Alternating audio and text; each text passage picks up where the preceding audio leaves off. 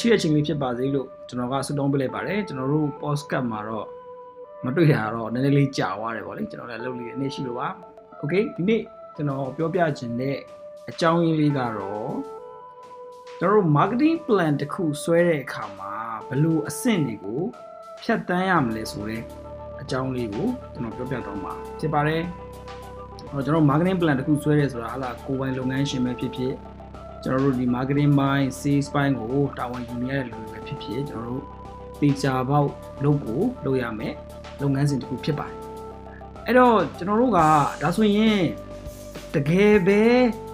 အခုလိုပေါ့နော်ပြိုင်ဆိုင်မှုတွေအရန်ကိုများလာတဲ့ဈေးကွက်ထဲမှာ marketing plan တစ်ခုဆွဲဖို့အတွက်ဆိုရင်ထိထိရောက်ဖြစ်ဖို့အတွက်ဆိုရင်ဘယ်လိုအဆင့်ကိုဖြတ်တန်းတင်လဲဆိုတဲ့ကိစ္စကိုကျွန်တော်ဒီ podcast မှာပြောပြတော့ဖြစ်ပါတယ်အဲ့တော့ကျွန်တော်တို့စုစုပေါင်း9ဆင့်ရှိတယ်လို့ ဒီမှာကျွန်တော်တို့မှတ်ကြပါမယ်9ဆင့်ရှိပါတယ်ဟဲ့လားဖြန့်ပြောရင်တော့အများကြီးပေါ့ဗျာเนาะအများကြီးပဲပြောလို့ရပါတယ်အဲဒါပေမဲ့ဒီမှာတော့ကျွန်တော် marketing plan တစ်ခုဆွဲတဲ့အခါမှာတကယ်ပဲဟလာတေချာစဉ်းစားတင်တဲ့အဆင့်9ဆင့်ကိုပဲဦးစားပေးပြီးတော့ပြောသွားချင်တာဖြစ်ပါတယ်။ပြီးတော့ကျွန်တော်တို့ပထမတစ်ဆင့်ကဘာလုပ်ရမလဲလို့ဆိုရင်ကျွန်တော်တို့လုပ်ငန်းဒီဘလောက်လောက်ထိအတိုင်းအတာထိရည်မှန်းချက်ရှိတယ်လေရွယ်ချက်ရှိတယ်လေ ကိုလုပ်ငန်းကိုတည်ထောင်ထားတဲ့ concept ကဘာလဲကိုလုပ်ငန်းကိုတည်ထောင်ရခြင်းအကြောင်းရင်းကဘာကြောင့်လဲဆိုတဲ့ကိစ္စကိုအရင်ဆုံးကျွန်တော်တို့ကိုယ်တိုင်ရှင်းရှင်းလင်းလင်းပြက်ပြက်သားသားသိအောင်လုပ်ထားဖို့လိုတာဖြစ်ပါတယ်ဆိုတော့ရှင်းလင်းဖို့လိုတယ်ငါငါလုပ်ငန်းရဲ့ယက်တိချက်ကဘာလဲငါတို့ကဘယ်လိုလုပ်ငန်းအမျိုးအစားလဲဆိုတော့ကိုကျွန်တော်တို့အထူးသဖြင့်ဒီ management level ကလူတွေကအထူးသဖြင့်တည်တည်ချာချာကိုကိုယ်ပြပြရှင်းရှင်းလင်းလင်းနဲ့ သိအောင်လုပ်ထားဖို့လိုတာဖြစ်ပါတယ်။ဘာကြောင့်လဲလို့ပြောရင်ဒီလိုမျိုးကိုယ့်ရဲ့လုပ်ငန်းရဲ့ယက်တိချက်တွေကိုယ့်လုပ်ငန်းရဲ့ရည်ရွယ်ချက်တွေကိုမရှင်းလင်းထားရင်နောက်ပိုင်းမှာလုပ်မဲ့လုပ်ငန်းစဉ်တွေအကုန်လုံးဒီကျွန်တော်တို့အကုန်လုံးလွဲနေတတ်တာကိုကျွန်တော်တွေ့ရမှာဖြစ်ပါတယ်။ဒါကြောင့်မို့လို့ကျွန်တော်နံပါတ်1တစ်ဆင့်ကဘာလဲလို့ပြောရင်ကိုယ်လုပ်ငန်းရဲ့ယက်တိချက်ကဘာလဲကိုယ်လုပ်ငန်းကတည်ထောင်ရခြင်းရည်ရွယ်ချက်ကဘာလဲဆိုတာကိုအထူးသဖြင့် management လူတွေဒီရှင်းရှင်းလင်းလင်းပြတ်တာတာသိဖို့လိုတာဖြစ်ပါတယ်။ အဲ့တော့ပထမတစ်ဆင့်ပြီးဝင်ဒုတိယတစ်ဆင့်ကဘာလဲလို့ပြောရင်ဈေးကွက်ကိုပိုင်းခြားမဲ့တတ်မှတ်ချက်တွေကိုကျွန်တော်တို့သိအောင်လုပ်ကမှာဖြစ်ပါတယ်ဒီတော့ကျွန်တော်တို့ကဈေးကွက်ကိုပိုင်းခြားတဲ့အခါမှာအထူးသဖြင့်တော့ကျွန်တော်တို့ကနီလန်ဟလာစဉ်းစားတဲ့နီလန်၄ခုရှိရလို့ကျွန်တော်တို့မှတ်ကမှာဖြစ်တယ်။ဥပမာဟလာနေရာဒေတာအလိုက်ပုံမှာမူတည်ပြီးတော့ဈေးကွက်ပိုင်းခြားတဲ့နီလန်တွေရှိတယ်။လူတွေရဲ့သဘောတဘာဝသူတို့ရဲ့ဝင်ငွေတွေအသက်အရွယ်တွေအိမ်အောင်ကြနေလားမကြနေဘူးလားပညာ အဆင့်တန်းဘယ်လောက်ရှိသလဲဘာအလုပ်ကိုင်းတွေလောက်ကြသလဲစသည်ဖြင့်ဒီလိုအချက်တွေပုံမှာမူတည်ပြီးတော့သကောင်စင်းပေါ့ဗျာနော်သကောင်စင်းအချက်လက်ပေါ်မူတည်ပြီးကျွန်တော်စဉ်းစားတဲ့ဟာလေးတွေလေဒီလိုရှုထောင့်ကလည်းစဉ်းစားနိုင်တယ်ဒုတိယနောက်တစ်ခုကတော့ကျွန်တော်တို့က psychographic ခံစားချက်ပေါ်မှာသူ့ရဲ့ယုံကြည်ချက် customer ရဲ့ဒီစိတ်ပိုင်းဆိုင်ရာပေါ်မှာမူတည်ပြီးတော့ကျွန်တော်တို့ကဟလာဈေးကွက်ကိုပိုင်းခြားတဲ့ရှုထောင့်ကလည်းစဉ်းစားတယ်နောက်နောက်တစ်ခုကတော့ကျွန်တော်ကဘာလဲလို့ပြောရင် behavior ရယ် နော် behavior ဆိုတာကကျွန်တော်တို့ဘာလဲလို့ပြောရင်ဒီလူတစ်ယောက်ဒီဒီပစ္စည်းကိုသုံးတဲ့အခါမှာ usage ပေါ့နော်ဘယ်လိုသုံးလေးရှိလဲဘယ်လောက်လောက်ဝယ်လေးရှိလဲပြီးရင်သူဒီဒီပစ္စည်းကိုဟလာဝယ်ဖို့ဟလာသူတယောက်ဒီပစ္စည်းတစ်ခုဝယ်ဖို့စဉ်းစားတဲ့အခါမှာသူဒီဘယ်လိုအကျိုးကျေးဇူးတွေကိုရှာတယ်လဲဆိုရယ်ရှုထောင့်လေးခုကနေမူတည်ပြီးတော့ကျွန်တော်တို့ကဈေးကွက်ကိုပိုင်းခြားလေးရှိပါတယ်ပိုင်းလေးပိုင်းခြားကြပါအဲ့တော့ဒုတိယတစ်ဆင့်ကကျွန်တော်ဒီမှာပြောချင်တာက ကျွန်တော်တို့ကဈေးကွက်ကိုပိုင်းခြားတဲ့အခါမှာငါတို့ကဒီလေးခုလုံးသုံးပါလား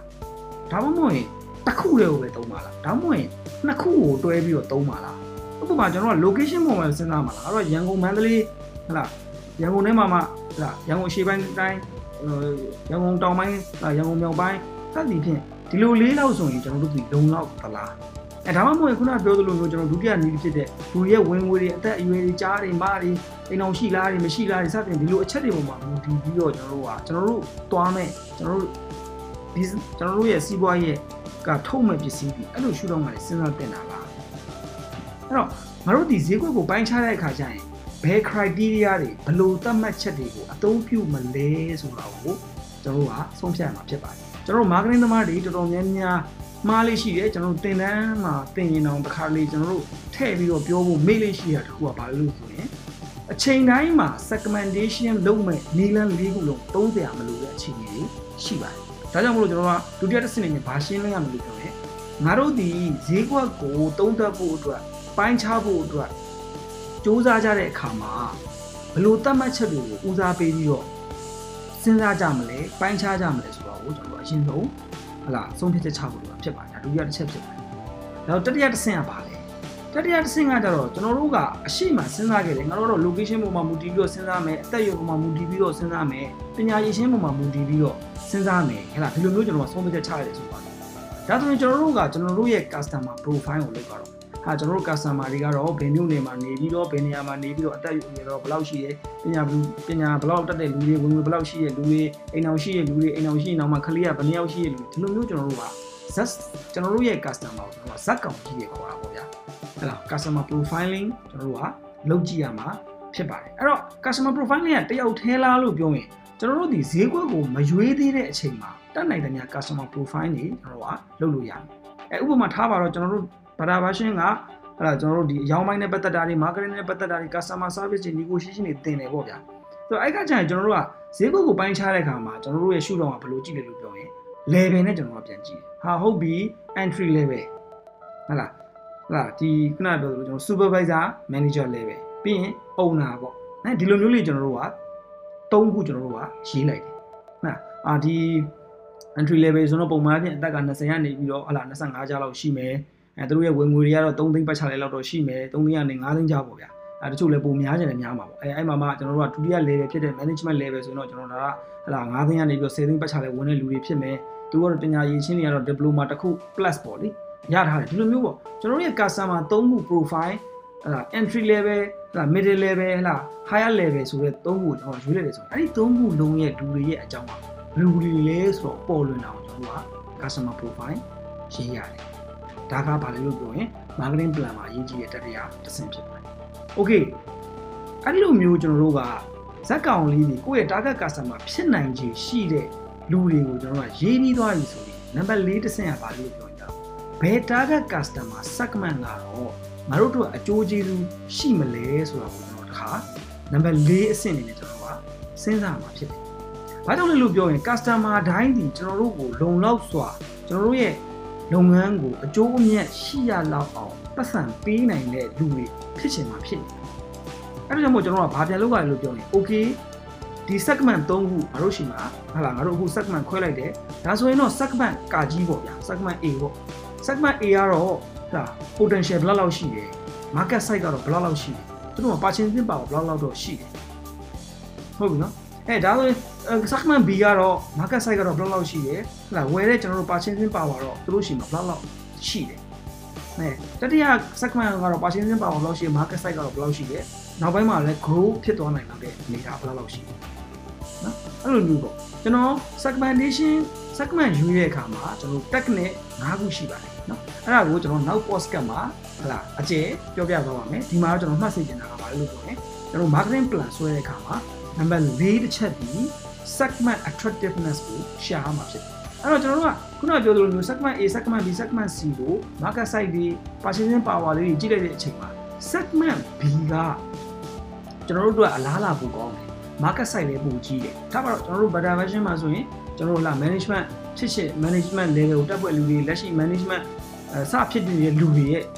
ဟာကကျွန်တော်တို့ market size ကပိုများတယ် market size ကပဲပတ်စံလေးပေးတယ်ပေါ့ကျွန်တော်တင်တန်းလေးပါတက်ဖို့ဆိုတော့သူကစဉ်းစားနေတယ်အဲဒါဆိုရင်ကျွန်တော်တို့ကဗာလဲကျွန်တော်တို့ target customer ကို segment B ကိုကျွန်တော်က targeting ပြုလိုက်အဲဘာလို့ပြောရင်အဲခုနကအရှိက segment attractiveness ကိုရွေးဖို့ကနံပါတ်5အဆင့်ကကျွန်တော်ဘာလဲဘာလို့လဲလို့ပြောရင်ခုနက target customer segment ကိုရွေးတာအခုကျွန်တော်ရွေးလိုက်ပြီ customer segment B ဒီကျွန်တော်တို့က potential လည်းရှိတယ်ပတ်စံလည်းပေးနိုင်တယ်ဟလာတင်တန်းတွေလည်းတက်နိုင်လိမ့်မယ်တင်တန်းတက်ဖို့လည်းသူတို့က motivation တွေရှိနေတယ်ဆိုပြီးကျွန်တော်တို့က insight ရတယ်အဲ့မှာကျွန်တော်နံပါတ်5အဆင့်မှာတကယ်ကတကယ်ကိုယ်ရွေးချယ်လိုက်တဲ့ဈေးကွက်ကိုကျွန်တော်ကရွေးလိုက်တယ်အဲရွေးပြီးသွားတဲ့အခါကျရင်နံပါတ်6အဆင့်ကဘာလဲ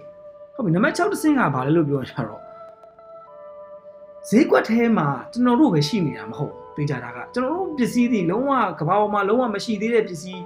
မြန်မာနိုင်ငံတွေနဲ့ဆိုရင်မထုတ်နိုင်ဘူးဗျာတေချာပေါက်တခြားနိုင်ငံတွေကရှိနေပဲဈေးကွက်ထဲမှာဟလာကိုကအဆက်ဆက်ချင်းဆိုရင်တော့မှပဲတိတ်မကြခင်မှာကျွန်တော်တို့လူမျိုးပဲတင်သွင်းပြီးတော့ရောင်းမဲ့လူတွေရှိလာနိုင်တယ်နော်ဒါမျိုးပေါ့ဆိုတော့ခါကျကျွန်တော်ကဘာစဉ်းစားလို့ပြောဈေးကွက်ထဲမှာပြိုင်ဘက်တွေ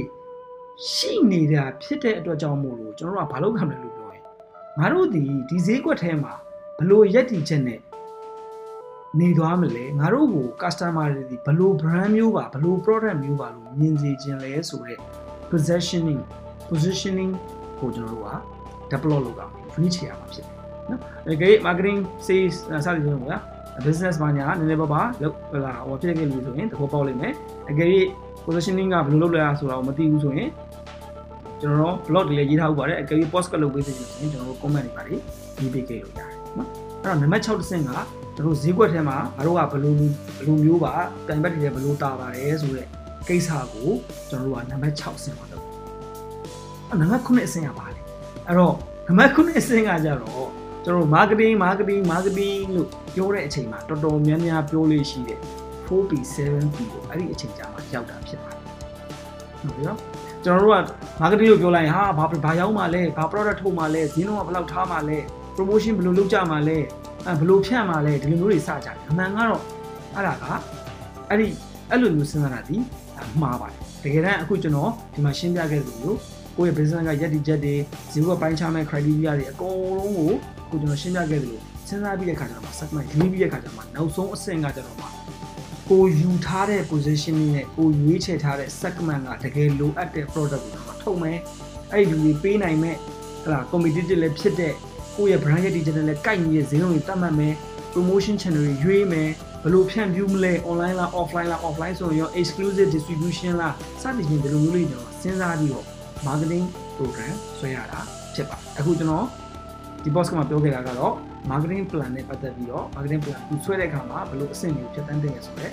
ဟာကိုရှင်းပြခဲ့တာဖြစ်ပါတယ်စုစုပေါင်း9ဆင့်ရှိပါတယ်အကယ်၍ကျွန်တော်တို့ marketing နဲ့ရောင်းပိုင်းနဲ့ပတ်သက်ပြီးတော့ viewer တွေချဖို့လိုနေတယ်ဟလာရောင်းရတဲ့ပို့ဖို့ကိုကိုလုပ်ငန်းအတွက် လိုနေတယ်ကိုကိုယ်တိုင်လည်း marketing နဲ့ပတ်သက်တဲ့ sales နဲ့ပတ်သက်တဲ့ skills တွေပို့ပြီးတော့တက်ဖို့လိုချင်နေတယ်ဆိုရင်